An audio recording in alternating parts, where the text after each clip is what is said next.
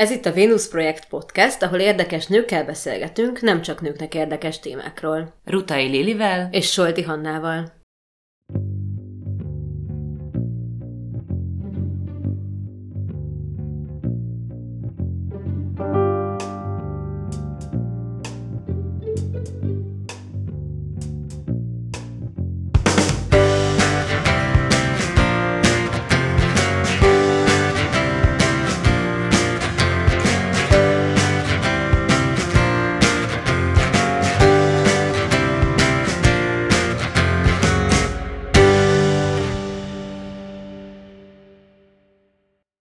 Ebben az epizódban a Massalit Books and Café független könyvesbolt és kávézó tulajdonosával, Pecák Judittal beszélgettünk.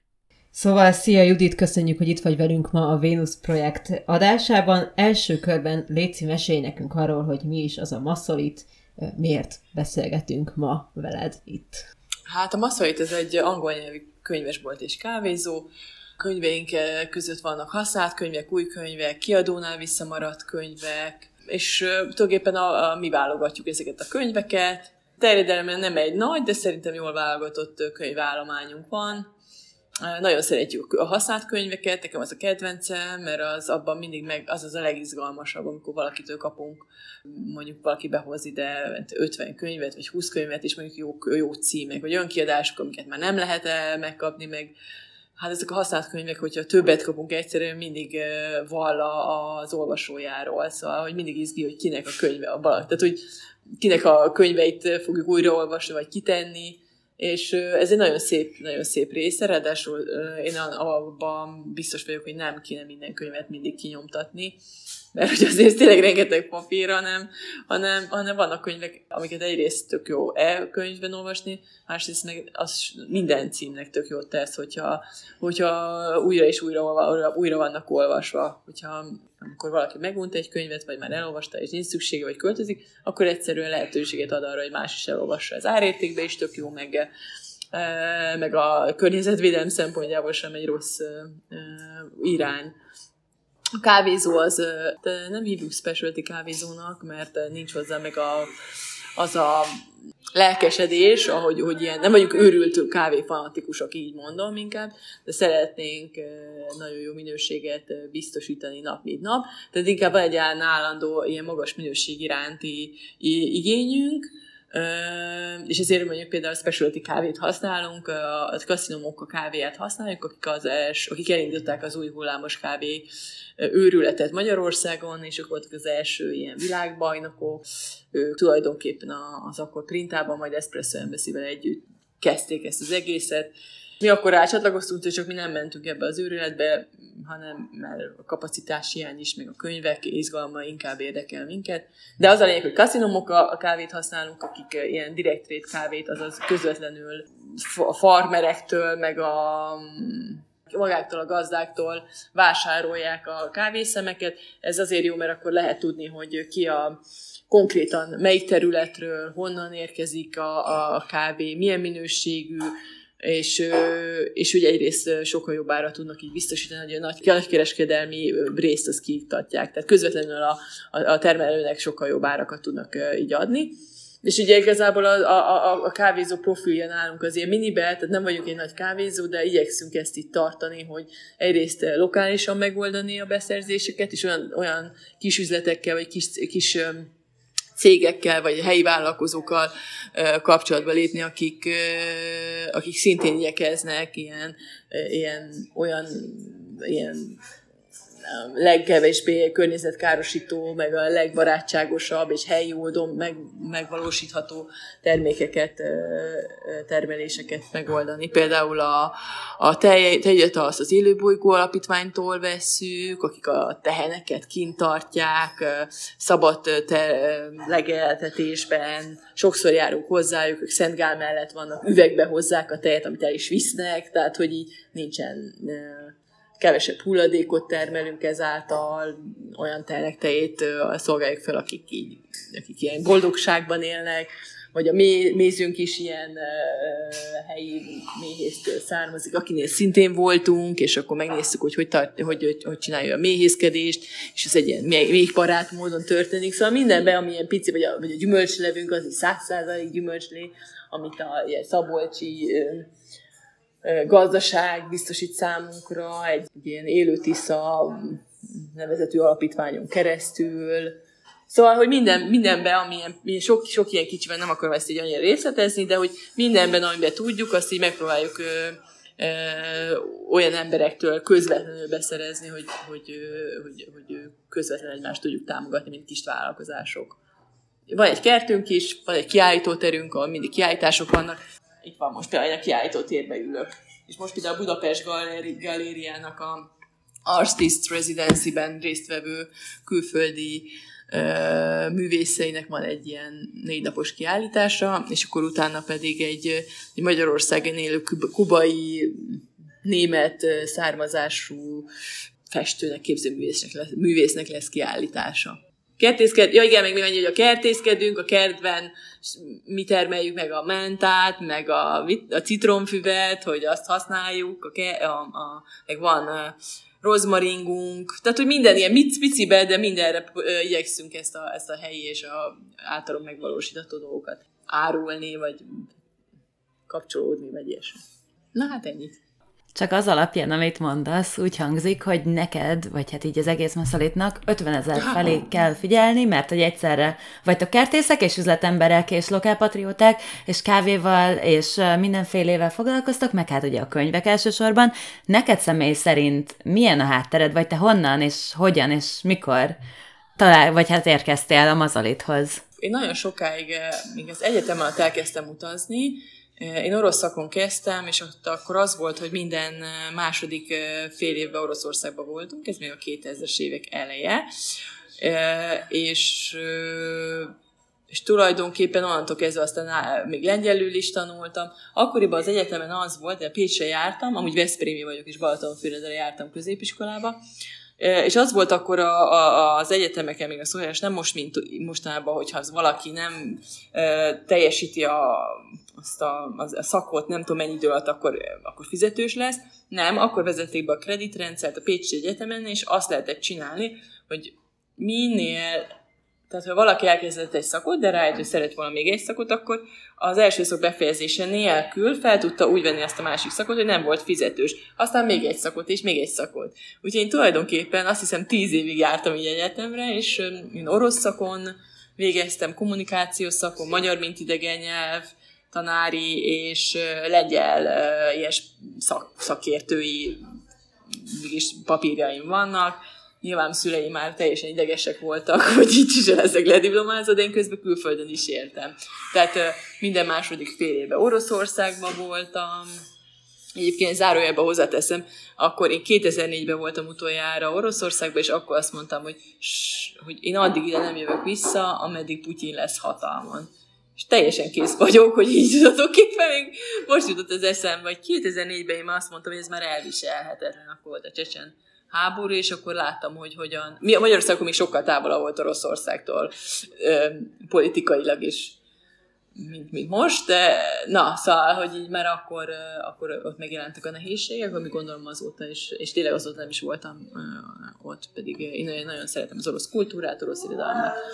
Úgyhogy én utána átmentem, inkább lengyel nyelvvel foglalkoztam, először oroszul tolmácsoltam, fordítottam, aztán lengyel, nyelvet csináltam, éltem Lengyelországban, aztán éltem Angliába, egy három évet pont vártam valami magyar tanári állás meg, megkapására egy, egy poznányi egyetemen, tehát hogy ilyen teljesen szláv oldalról, teljes külföld, egyáltalán nem is, gond, nem is laktam előtte Budapesten, nem is volt nekem előttem, hogy én Magyarországon vagy Budapesten fog élni, egyszerűen mert ő sokkal jobban érdekeltek a, a szláv kultúrák. De az úgy történt, hogy 2011-ben egy Krakóban élő barátom, a David Miller, aki akkor már 15 éve üzemeltette a Massolit Books and Café nevezetű könyvesbolt kávézóját, úgy döntött, hogy szeretne itt Magyarországon is egy, egy hasonló jellegű boltot csinálni, és egy éven én voltam az, aki akkor neki még lengyel nyelven segítettem neki itt a fordítás tolmácsolásban, a magyar bürokrácia útvesztőiben, hogy hogyan lehet céget nyitni, hát az összes, ami ebben jár. És ő egy évig ezt csinálta. Én akkor 2010-ben jöttem haza Magyarországra, tehát pont megkeresett, pont nekem is ilyen megbízásos munkáim voltak, és egy, egy évig üzemeltette ezt a helyet, az egyébként egy hős korszak volt, mert akkor még senki. Tehát a Nagy Diófa utcában, ahol vagyunk, jelenleg is, ugye ez a üzletről beszélünk, 2011-ben még nem volt átmenő forgalom. Akkor még rég nem volt, akkor még egyáltalán nem volt ez buli negyed, akkor még csak a szimpla volt, ami még, ami, ahol jöttek a turisták. Nem volt, tehát hogy annyira ez a kis utcák, a Veselényi, a Nagy Diófa, minden, amit a belső hetedik kerületben van, ezek, ilyen így, ezek egy ilyen egy, egy ilyen kevés átmenő forgalmú helyi lakosokat nem megmozgató, sem megmozgató kis utcák voltak. Szóval, hogy a nyitás ez, ez valószínűleg kicsit korai volt neki, ezért egy év alatt tulajdonképpen tönkre is ment, és megkérdezte tőlem, hogy nem akarom el átvenni tőle. Én mivel nagyon szerettem ezt a helyet, így gondoltam, hogy kár lenne érte kell lenne bezárni, mert egy nagyon szép üzlethelyiségről beszélünk, ilyen eredeti márványpadlóval, lámpák is eredetiek, nagyon izgalmas térkialakítással, tök jó profillal, úgyhogy, úgyhogy elkezdtem 2012-ben a semmiből egy teljesen más vonalról, egy angol nyelvű könyves volt, üzemeltetni.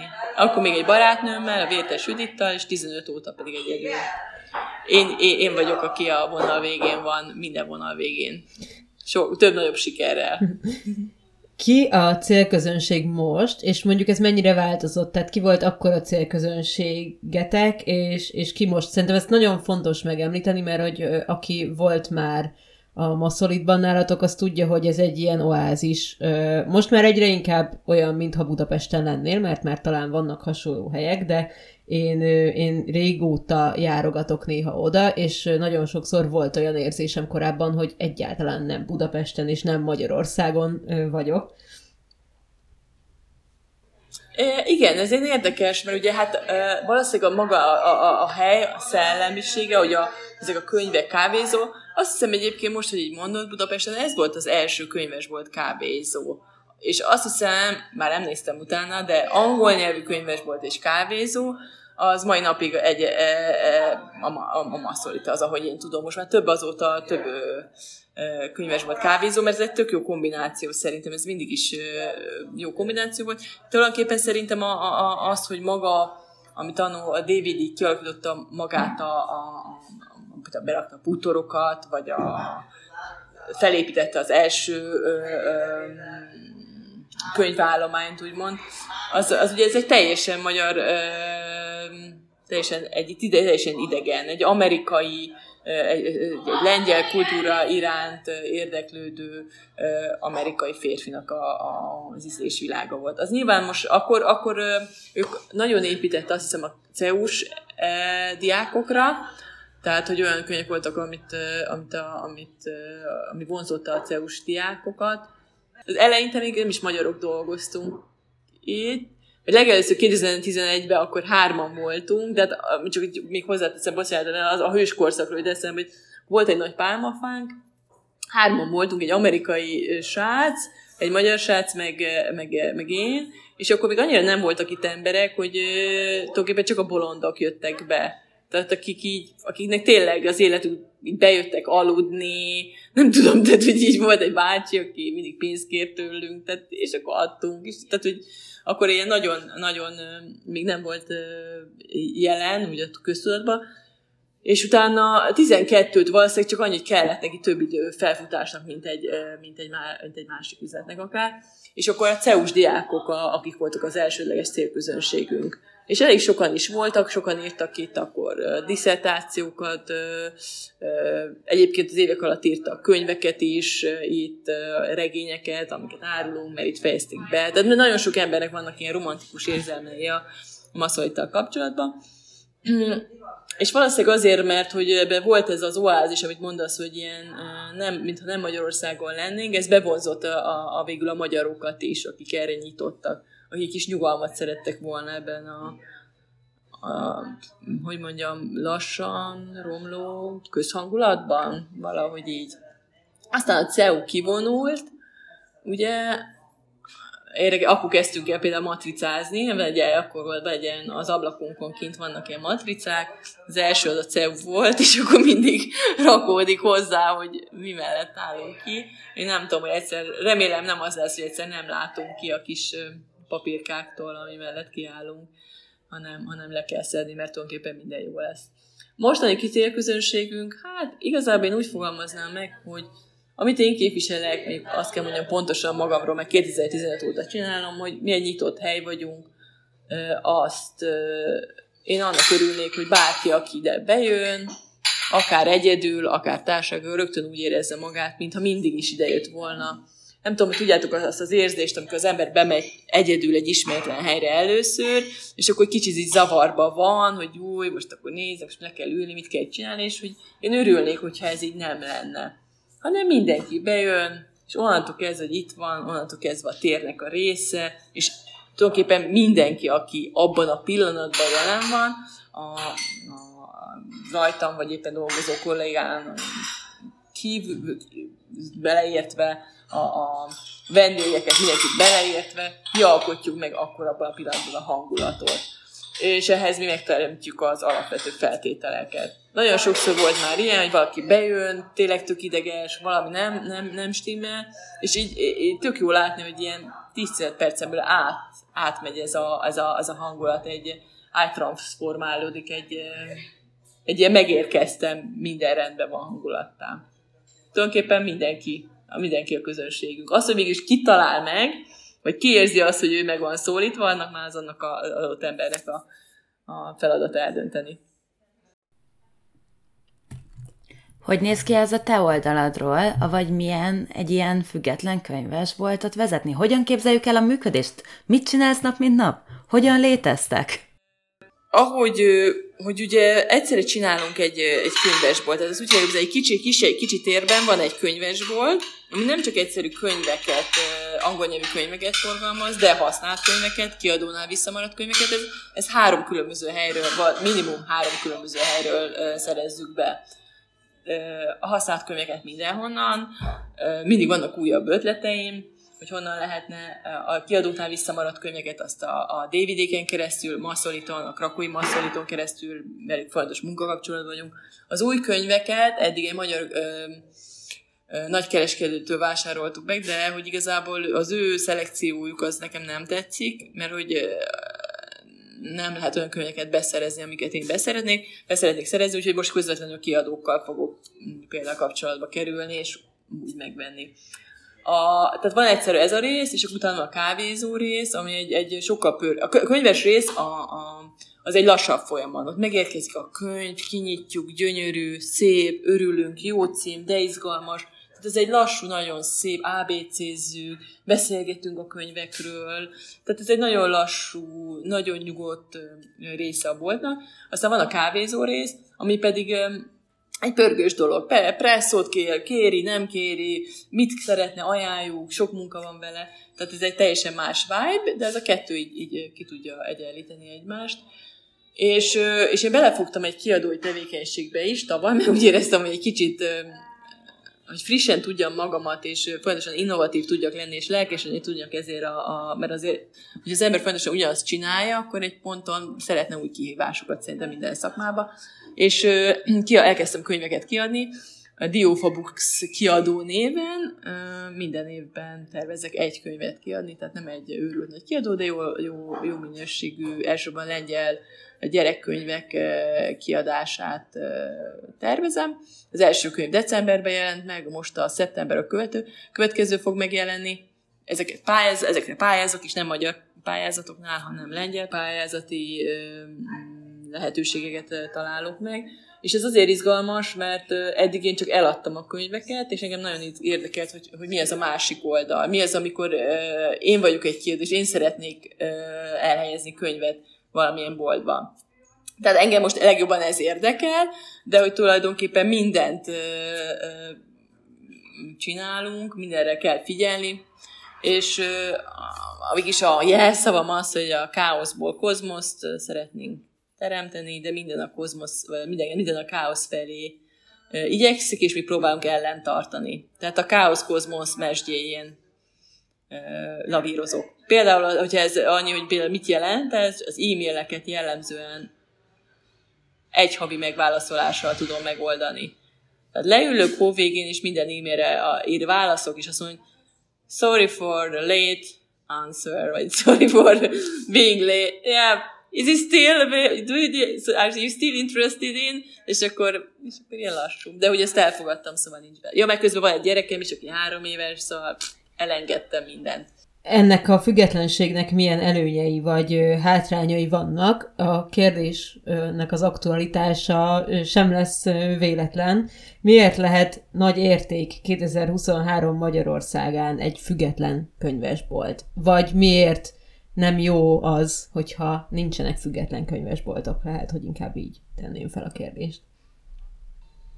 Hát szerintem a független könyvesbolt egyébként úgy szerintem, úgy általánosokban Magyarország az elég jó, vagy nem, nem Magyarország, nem tudom Magyarország. Budapest és környezete elég jól áll független könyvesboltokból, és, és minden egyes könyvesbolt, független könyvesbolt megjelenése, ez egy nagyon izgalmas, és a rögtön a, a figyelem, figyelem felhívó, vagy érdeklődés kiváltó akció ebben a szakmában. Azért jó, hogyha van egy független könyvesbolt, és egyébként ez régebben is így volt, Főként amikor akkor még azt hiszem az online piac elterjedése volt az, ami miatt úgy gondoltuk, hogy veszélybe fog ez kerülni. És ezért például akkor, nem is tudom hány éve volt ez már, talán 2012-ben több egyéb könyvesbolttal együtt csináltunk egy fesztivált, a kiskönyvesboltok, vagy független könyvesboltok éjszakáját, a kiskönyvesét, amit az akkor még áprilisban tartott nemzetközi könyvásár idejéhez csatoltunk. Ez így egyébként elég sokáig ment önkéntes alapon a könyvesboltok csatlakozásával és az aktivitásával tartott, maradt életben körülbelül szerintem, hát 19, hát biztos Covidig azt mondanám, Covidig ez így ment, 19-ig, és ez azt jelentett, hogy aznap, a, a, mit tudom, ez mindig ilyen pénteki nap, ezek a függ, csatlakozott könyvesboltok, független könyvesboltok ö, hosszabb ö, nyitvatartással volt, a, várták a vendégeket, programokat csináltak, és az volt a jó az egészben, hogy mivel a nemzetközi könyvvásárra jöttek külföldi előadók is, ezért meg tudtuk őket hívni ezekbe a ezekre erre a könyvesbolt, független könyvesboltos estékre is. Rengeteg kulturális intézet volt a partnerünk, hogyha esetleg rákerestek, meg is nézhetek, hogy ez mi, mi volt pontosan, nagyon izgi volt, és akkor volt tulajdonképpen egy ilyen összekapcsolódás, ami, ami a könyvesboltoknak az igénye volt, hogy mi független könyvesboltok, akik így egy kis szigetenként az óceánon lebegünk, hogy így, így tartsuk, csináljunk egy hidat, és így kapcsolódjunk össze. És ez, ez igazából ennek a lelkesedése, vagy ez az érzés, hogy mi nem vagyunk egyedül, hanem többen vagyunk, ez még mai napig tart, függetlenül attól, hogy most nem olyan intenzívek ezek a könyvesboltos programok. És, és tök jó látni, hogy időnként, amikor vannak ilyen szakmai beszélgetések, amik általában ilyen informálisak, valamilyen egyéb ügy okán beszélgetünk, akkor kiderül, hogy tulajdonképpen még mindannyian ugyanannyira gondolunk, és ez egy olyan szak, amit az ember azért csinál, mert szeret, és úgy és egyébként a, a, az ez egy olyan, olyan közeg, amiben az ember, én például nagyon otthon érzem magam, mindenki kedves, mindenki uh, hibázhat, uh, uh, de hogy a legjobb az egész, hogy mindenki önazonos tud lenni. Hiszen a függetlenség ez a lényege, hogy vannak sok nehézségei, de, de, hogy, de, de a legnagyobb extázis abban, hogy az ember azt rak ki, és azt csinál, olyan profilt csinál a könyvesboltjének, amilyet szeretne és, és tulajdonképpen ez tartja életben ezeket a helyeket, hiszen ezek, ebbe, ezekbe a könyvesboltokból olyan emberek jönnek meg, akik szeretik annak a könyvesboltnak a válogatását, és ők is azonosulni tudnak vele. És tulajdonképpen kiderül, hogy akkor ez egy, nem egy kicsi-kicsi körök, hanem egy nagy-nagy kör, ahol minden, nagyon sok ember csatlakozik. Vásárlóként, vagy eladóként, vagy boltosként. Azt említetted is, hogy matricáztok, ugye az ablakon kint vannak az ügyek, és emellett más ügyekhez is csatlakoztatok, például a Meseország mindenkinek az egyik sajtótájékoztatóját nálatok tartották, most a Pride idején kiírtátok Facebookra, hogy a Pride-on vagytok, nem vagytok nyitva. Mi az, ami alapján döntötök, hogy mi mellett álltok ki, és ez mennyire, mennyire jön magától? Mennyire van az, hogy így álljunk ki emellett, és mindenképp, vagy mennyire van egy ilyen csoportos beszélgetés arról, hogy akkor ez most kell Hát igen, ez szoktak lenni ilyen, ilyen munkatársi meetingek egyébként, de lehet, hogy most, hogy szóba kerül, már tök régen volt, majd, majd kéne csinálni egyet szeptemberbe. Általában az ilyen valahogy nem is tudom, szerintem a kollégáim, akik itt dolgoznak, ez nem tudatos, vagy nincs benne tudatos válogatás, vagy nincs benne tudatosság abban, hogy Például most azon gondolkodom, hogy kik dolgoznak itt. Mert akik kollégáim itt dolgoznak, azok mind re, mindenki nagyon reflektál, vagy reflektíven kapcsolódik az adott ügyekhez. Nem tudom, Magyarország az ember. Amikor annó volt a, a, a ha jöttek a menedékkérők 2015-ben, akkor nagyon sokan mentünk, vagy én most például a ukrán menekülteknél nagyon aktívan részt vettem, mert én beszélek oroszul, segítségbe, akkor adtunk helyet. Tehát minden olyan ügy, ami a lelkiismereti, emberi jogokhoz kapcsolódnak, vagy emberséghez, azt hiszem, hogy együttérzés, az empátia, az valójában mindenkiben megvan, és amiben úgy érezzük, hogy szükségem valakinek empátiára, és a mi és hozzáad az ő ügyük az az, hogy mi kiállunk értük, akkor, akkor, akkor kiállunk. Főként kapcsoltunk egyébként, van a Hősök, mi ez a Hős utcai projekthez is, ahol pedig a, a Hős utcában lakó gyerekeknek csináltak itt kiállítást. Tehát valahogy azt hiszem, hogy önmagától megtalálják egy ponton a, a, megtalálnak minket a, a kérések, és a szervezetek, és akkor így, így kapcsolódunk. Nekem nyilván például kim van a, a, a lengyel abortusz törvény elleni tiltakozás, az nyilván mivel én Lengyelországhoz kapcsolódok, nekem az, az volt a szívügyem. Valaki jobban érintett a, a Pride kapcsán, neki az a szívügye, tulajdonképpen az összes kollégám elment konkrétan a Pride-ra. Tehát tényleg én erre nem mondom azt, hogy senki nem mehet, hogy legyünk nyitva, hanem akkor nyilván valakinek ez egy lelkiismereti kérdés, akkor, akkor, akkor, akkor mehet.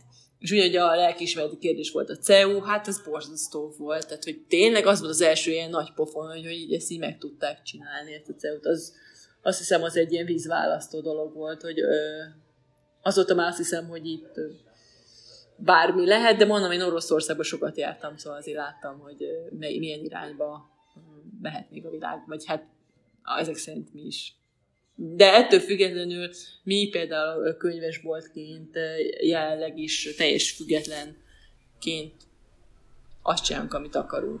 Nincsen semmilyen nyomás rajtunk. Mm, arról nyilván a hallgatónknak sem kell, vagy hát remélhetőleg a hallgatóinknak sem kell beszélnünk, hogy mennyire befolyásolja a társadalmunkat és a gondolkodásunkat az, hogy mit olvasunk. És az is tök fontos, amit mondtál, hogy ezek lelkiismereti kérdések, és hogy függetlenként megengedheti magának azt a talán luxust az ember, hogy, hogy így a lelkiismerete meg az érzései szerint áll bele dolgokba, vagy áll dolgok mellé, de anyagilag ez mennyire működőképes. Egyáltalán persze a könyves biznisz mennyire versenyképes ma, hiszen ugye már így a Covid előtt is, meg közben is sokan a printnek a válságáról beszéltek, de mondjuk mennyire fenntartható ö, szerinted az, hogy az ember ne piaci, ö, hogy mondjam, kritériumok alapján válogasson a különböző ügyek mellett? Aha. Ö, hát tulajdonképpen tehát, hogy mondjam, egy kis vállalkozás, nem tudom, hogy más országban, de kis vállalkozást elindítani, az egy, ez egy nagyon, az egy nagyon nagy bátorság kell szerintem itthon, ha csak és az akartam mondani, ha csak valaki nem őrült nagy anyagi lehetőség, á, de még az se. Tehát alapvetően egy kis vállalkozás az azt jelenti általában, hogy valakinek kevés pénzből, de nagy ötletekkel, nagy lelkesedés elkezd valamit, belevág valamibe, és hogyha az első vállalkozás, akkor tulajdonképpen fogalma sincs, hogy, hogy, hogy mit fog történni az üzletével. És nyilván szerintem az van, hogy egy, például egy, ugye a könyvesbolt, vagy független helyről, vagy egy, kis könyvesboltról beszélek, tudok beszélni elsősorban magam uh, uh, szemszögében látom nyilván a dolgokat, de, de hogy az van, hogyha az emberi felteszi magának kérdést, hogy mondjuk én például gyakran fejleszem, szeretem-e ezt még csinálni? Hm, igen, szeretem. És az van bennem, hogyha mondjuk egyszer az úgy érzem, hogy már nem érzek benne kívást, akkor nem fogom ö, csinálni. Tehát valószínűleg az én személyiségem is olyan, hogy ö, egyszerűen ebben a, ebben a, a közegben, vagy így érzem jól magamat. Valószínűleg alkalmatlannék, egyébként személy szerint alkalmatlannék egy munkahelyre, vagy egy munkahelyi munkatársak lenni, valószínűleg elkezdenék késni egy hónap után, már nem járnék be, elkezdenék mondani, hogy késett a busz, tehát valamilyen borzasztó rossz ilyen, ilyen önmagammal lehetséges, büszke, büszkén vállalható tevékenység. Valószínűleg elaludnék, nem, tehát nem tudnám lemenni a vérnyomásom, tehát mint a volt annó valamelyik jugoszláv film, ahol a fodrászfaszi mindig, mindig kér egy kávét, és egyáltalán nem szeretett fodrásznak lenni, és csak csinálta. Tehát valószínűleg én sem tudnák. Tehát mindig felteszem, hogy szeretem, igen, de hogy van ötletem, hogy szeretnék még csinálni, amit így húzamosabb ideig igazából abban nem. Tehát ez egy típus kérdése.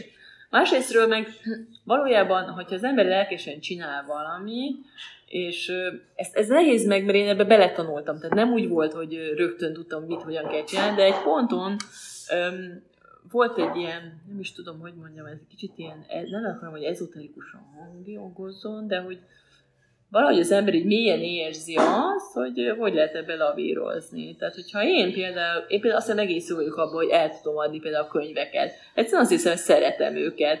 Tudom, hogy melyik könyv miről szól, és, és, és ez az, hogy a, én eladom ezeket a könyveket, bejön valaki, érdeklődik egy könyvről, nem azért adom el neki, mert meg akarok tőle szabadulni, vagy rossz, hanem egyszerűen tök jó könyveink vannak, és valószínűleg ez a relkesedés átragad arra az emberre, vagy a kávénál csak olyan kávét adok ki, ami szerintem jó, ha nem jó, akkor át, meg, de imádok ezekről beszélgetni. És ezt valószínűleg a kollégáim is látják, tehát hogy ez, ez így mindenki ilyen, mindenki megtanulja a gyakorlatban. És, és kiderül, hogy tulajdonképpen az embernek igénye van arra, bár online tudunk vásárolni minden, bármit megvehetünk, de, de kiderül, hogy az embereknek egyszerűen igénye van arra, hogy valaki megszólítsa őket, és beszélgessen dolgokról velük, hogy, hogy, hogy ajánl, hogy ne legyünk elveszve egy ilyen, egy ilyen nagy, masszív online, vagy akár, hát nem is online. Én például, amikor én, én nem, nem tudok online vásárolni, de hogyha például megyek egy boltba, akkor én szeretem, azért megyek oda, mert szolgáltatást szeretek igényelni, mert, mert szeretek elbeszélgetni arról, jó ez a nadrág, vagy nem jó nekem ez a nadrág. És olyan boltba megyek el, akkor ott, aki ott van, az így ebbe együtt tud velem egy, abba 15 percbe rezegni. És ezeket a helyeket szerintem köz, a könyvesboltot is, meg szerintem más könyvesboltot is, ezt tartja fönn, hogy nem is tudom, hogy van-e olyan könyv. Persze, eladok olyat is, ami rossz, de arról megmondom, hogy szerintem ez egy nem jó könyv, de hogyha ő ezt szeretné, vagy így volt egyszer a nagy traktorkönyv, az állnak kiraktuk, ez egy ilyen 10 kilós traktorkönyv volt, 1500 forint, és mindig, mindig ajánlottuk, és ez egy ilyen vicces dolog volt, és egyszer valaki megvette a nagy traktorkönyvet. Tehát, hogy ezeket fenntartják szerintem az emberek. Ha olyan van például, hogy valaki szokott olyan konfliktus lenni, hogy mi például nem engedhetjük meg magunknak, hogy valaki, amikor bejön egy könyves kávézóként mondjuk használja a boltot, leül dolgozni, vagy valamit csinálni, és nem, nem engedhetjük magunknak, hogy például egy ember nem tudom, egész nap egy kávéval üljön. Akkor, akkor egyszerűen tisztelni szoktuk, hogy mi ezt nem engedhetjük meg, mert akkor tulajdonképpen bezárhatjuk a boltot. És igazából én mindenkivel így tisztázom, hogy egy kis könyvesbolt, vagy egy kis üzletnek a vállalkozások a fenntartása, az egyrészt mondhatjuk közös érdekünk, ameddig még közös érdekünk, másrésztről meg közös felelősségünk. Mert mi itt megtaláljuk a, a, a, a legális kereteket, mindenkit szívesen kiszolgálunk, örülünk mindenkinek, viszont aki még idejön, annak tudnia kell, hogy, a, hogy akkor fogjuk tudni föntartani ezt a boltot, hogyha, hogyha vásárolnak. És hogy, hogy, hogy ez a tudatos vásárlónak a jelensége tulajdonképpen, hogy ők tudatosan ide fognak járni. Vagy pont van annyi vendégünk, aki föntartja ezt a boltot. És, és más, amikor ez megszűnik, tehát hogy elkezdődnek az emberek, már nem lesznek olyan emberek, akkor ez a helybe fog zárni, mint minden hely, de akkor ennek ennyi volt a létjogosultsága, és akkor rendben van. Egy kicsit más témára evezve, én annak kapcsán beszéltem veled először, hogy mi történik most a könyvesboltokkal, egészen pontosan a fóliázás kapcsán. És akkor kifejtetted erről a véleményed, amit meg is írtam egy cikkben, de most megint arról kérdeznélek, hogy Nálatok mi a helyzet ezzel? Vannak olyan könyvek, amiket ti befóliáztok? Lehetséges ez? Mit gondolsz ja, erről az egész hát jelenségről? Igazából én azóta már körbe kérdeztem a többi könyvről, hogy ki érti, hogy mi van, mert ezek, én, én, én amikor, ez, amikor te engem megkerestél, akkor én éppen azt hiszem Balatonról jöttem föl, és akkor valami utcán voltam, és nem is értettem, hogy tényleg van ez a fólia, és az után néztem, és az, hogy mindenki tanástalanul áll. Én azt gondolom, hogy ez, ez a fóliázás dolog egyrészt nem megoldható senki. Tehát, hogy így az Oxford könyvesból megkérdeztem, hogy, hogy feltették, mert ők egy ilyen nagyobb cégnek a, a kis könyvesboltja, és akkor így, hogy, hogy, hogy így lesz-e fóliázás, hogy, hogy mi, a, mi a technikai kivitelezés. De nyilván ez egy ilyen, egy picit mindenki nevet rajta, vagy így, hogy mondják ezt, amikor sírva nevetünk, vagy kínunkba röhögünk, vagy nem tudom. Tehát ezek, az, az úgy kell tudni, ez a könyves szakmában általában bölcsészek dolgoznak. Tehát akik így, akik így szeret, tehát hogy, ilyen, ilyen, hogy nem, a bölcsészekről most nem tudom, hogy ez most jó vagy rosszak számít, de hogy a bölcsészet tehát olyan szempontból mondom, hogy akik szeretnek így gondolkodni így dolgokról, van véleményük, de békés emberek, viszont így, hm, tehát hogy így, hogy ilyen dolgokba, hogy nem, egy, nem ilyen üzleti emberek, nem ilyen törtető, nem egy ilyen akciós emberek, és nem is értik, hogy hogy jön ide egy ilyen ilyen, egy, egy ilyen aktuál politikai kérdés, mint hogy én is, hogy ez valaki, valakinek van egy aktuál politikai dolga, hogy, hogy, hogy jutottunk minden, hogy kerülünk mi ebbe bele, pont a könyves boltok. Tehát ért, tehát én nem is tudom, egy, egy, egy, nem, nem tudom most nem tudom, egy vállalkozást, hogy mi tudnak közel, de egy könyves bolt, tehát, tehát, na mindegy, bocsánat, nem fog kezelni. És az a lényeg, hogy ez a fóliázás, ez nyilván nem technikailag nem megoldható, és egyébként magában azt hiszem, a törvénytervezetben egyre, hát nincsenek, nincs egy, nincs egy szerzőlista, vagy könyvlista, pontosan milyen szerzőkre, milyen címekre értek, mit gondolnak ők arról, hogy szerintük akiknek, tehát szerintem, mivel tehát valójában nincsenek erről konkrétumok, úgyhogy én ezt gondolom, hogy ez egy valószínűleg ez egy olyan nem tudom, nem, nem tudom milyen közép, mi ez a választások közepén, vagy középidő van, nem tudom, ez a, ugye négy évnek lehet, hogy a pont mostan a fele, és akkor kell a jobbik, hogy az olyan emberek felé csinálni valami akciót, amivel szimpatik, szimpatikussá teszik az aktuális kormány tevékenységét még jobban, mert nyilván teljesen abszurd. De a, ebben egy fogyasztó, vagy angol nyelvű könyvesboltban, tényleg nem akar, nem akar, de hogy így valószínűleg tehát nem, nem tudom el, tehát igazából kíváncsi vagyok magáról a szituáció, hogy mi fog történni, hogy hogy, hogy tört, oda megy, kinyitja a könyvet, rámutat a sorra, ami miatt az a könyv szerinte ide vagy, a, vagy oda, vagy valakik szerint ide vagy oda tartozik. Hm, nem tudom, senki nem tudja. Úgyhogy szerintem ezek így, ez csak egy ilyen nyár közepi mi ez, vizet felkap, ne, is hóbort, hanem hogy így valakinek, hogy úgy ér, valaki úgy érezte, hogy most itt akciózni kell, és szavazókat kell, leendő szavazókat kell fogni, de most az, hogy igazából én nagyon szeretném már rég elmenni és hallgatni, hogy kik azok, akik, akik erre, ezekre vevők. Tehát én nem, nem annyira, abból a szempontból tök rossz, hogy egy oázis vagyunk, és alapvetően azt mondom, hogy nyitott emberek vagyunk, mégse találkozok olyan emberekkel, akiknek ez bejön és ez egy kicsit zavar. Örülnék, hogyha, hogyha lenne tényleg egy ilyen diskurzus. Én gondoltam, már csinálok ilyen eseményeket, ahol de én nem akarok politizálni, tehát nem ilyen politikai eseményeket, hanem egyszerűen csak valahogy hogy így, hogy így megértsem, hogy, hogy, hogy mi folyik itt, hogy az ember ne azt hiszi, hogy úristen, minden ilyen, ilyen hülyeségre azt mondja, hogy úristen, és közben pedig ez már egy létező valóság. Na. Mm, szerintem... Nem fóliázunk, senki nem fóliázik, nem érti, mi az a fóliázás, nem tudjuk, mit kell fóliázni, és hogy, hogy, hogy miért kell fóliázni, és ebben mindenki így van, tehát nem csak én. Egyébként szerintem, amennyire én tapasztalom, vagy amit én tapasztalok, ez, ez nem, tehát hogy nem, nem az emberek véleményére, tehát hogy ez egyfajta ilyen identitás politizálás, ami nem abból indul ki, hogy amúgy a közvélemény hogyan gondolkozik, és szerintem ezt ezt tök gyakran látjuk tök sok, tök sok kérdésben, hogy amúgy a közvéleményről, ha csinálnál egy kiterjedt kutatást, akkor nem úgy gondolkodna bizonyos témákról, amilyen törvények születnek.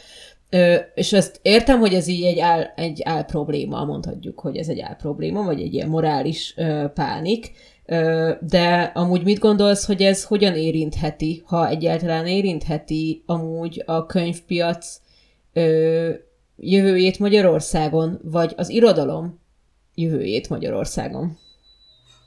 Igen, tehát hogy az a probléma, hogy ha már bekerült ez, és hiába az van, hogy a közvélemény, tehát megkérdeznék, nem tudom, Marika névét, akkor vagy, tehát nem a saját véleményet mond el, hanem azt mondjuk, vagy amit a tévében hallott erről, mert amúgy meg egyáltalán nem foglalkozik ezzel a kérdéssel, mert ki foglalkozna avval, hogy az adott könyvek adott polcain hogy vannak tárolva a könyvek, tehát hogy ez senki tehát nem, nem egy.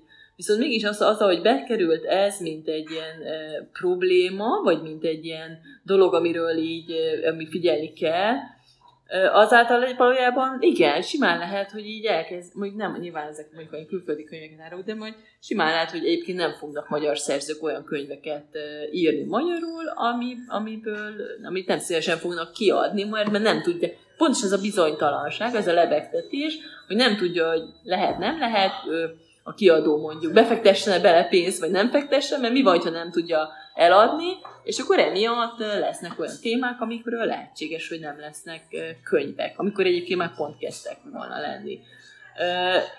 Úgyhogy ez simán, simán lehet, hogy ilyen szempontból fogja befolyásolni. De de mindig arra gondolok közben pedig, hogy azért ott a, bár a ti generációtok nem, de azért még mit tudom én, most én 43 éves vagyok, mi még azért éltünk ebbe a, a szockóba, és vagy azt hiszem észre, hogy ez a, vagy ez, nekem ez volt még az élményem, hogy, hogy egyszerűen, ami ki akar törni, az ki fog törni.